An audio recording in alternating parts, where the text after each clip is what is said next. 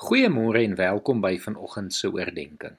Vanoggend staan ons stil by die ouer broer in die verhaal van die verlore seun. Die seun wat sy hele lewe lank hard gewerk het, gehoorsaam aan sy pa geleef het en alles gedoen het wat die samelewing van hom verwag het. Hierdie seun het geglo dit is 'n mens se werke wat jou red. Soos ons Sondag ook tydens die prediking gehoor het, verteenwoordig hierdie seun die skrifgeleerdes en die fariseërs wat na Jesus luister. Hulle wat geglo het dit is deur wetsonderhouding dat ons gered word. Tot en met vandag is daar baie van ons wat nog steeds hierdie glo of selfs al glo ons dit nie, leef ons asof werke ons kan red. Baie mense word vandag die ouer seun in die verhaal en ongelukkig veroorsaak dit baie maklik dat ons dan ons jonger broers veroordeel, die wat val en die wat verkeerd doen. Ironies besef die ouer broer nie dat ook hy verlore is nie. Eintlik is die jonger en die ouer broer twee kante van een muntstuk, twee uiterstes, maar beide is verlore, want beide mis aanvanklik die hart van 'n liefdevolle vader.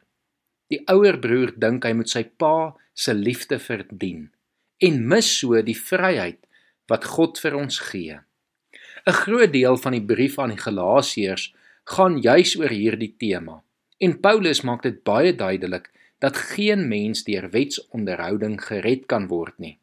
Ek lees vanoggend vir ons 'n deel van die brief uit hoofstuk 2 vanaf vers 15 tot 21 voor. Ons is Jode van geboorte en nie sondaars uit die heidene nie. En tog weet ons dat 'n mens nie van sonde vrygespreek word deur die wet van Moses te onderhou nie, maar alleen deur in Jesus Christus te glo. Ook ons het tot die geloof in Christus Jesus gekom. En dit is hoe ons vrygespreek is, deur in Christus te glo en nie deur die wet te onderhou nie. Want geen mens word vrygespreek op grond daarvan dat hy die wet onderhou nie as uit ons soeke na vryspraak in Christus gebleik het dat ons ook sondaars is, beteken dit dan dat Christus in diens van die sonde staan? Beslis nie. Maar as ek die bepalinge van die wet wat ek nietig verklaar het weer laat geld, dan maak ek myself daarmee tot 'n oortreder. Maar wat my betref, deur die wet is ek vir die wet dood, sodat ek vir God kan lewe. Ek is saam met Christus gekruisig. En nou is dit nie meer ek wat lewe nie, maar Christus wat in my lewe. Die lewe wat ek nou nog hier lewe, leef ek in die geloof in die seun van God wat sy liefde vir my bewys het deur sy lewe vir my af te lê. Ek verwerp nie die genade van God nie. As mens vrygespreek kon word op grond daarvan dat hy die wet onderhou, sou dit immers beteken dat Christus verniet gesterwe het. Watter voorreg is dit nie dat ons uit genade gered is deur die geloof in Jesus Christus dat ons nie onsself hoef te red nie en dat ons in elk geval nie in staat is om onsself te red nie. Maar in 'n sin is dit soms moeiliker om vanaf die posisie van 'n ouer broer tot inkeer te kom. As jy nie dink dat jy redding nodig het nie, of as jy dink dat jy jou lewe reg leef en daardeur gered kan word, besef jy nie dat jy verlore is nie. En dit is vir hierdie rede dat die gelykenis van 'n van die verlore seun 'n oop einde het.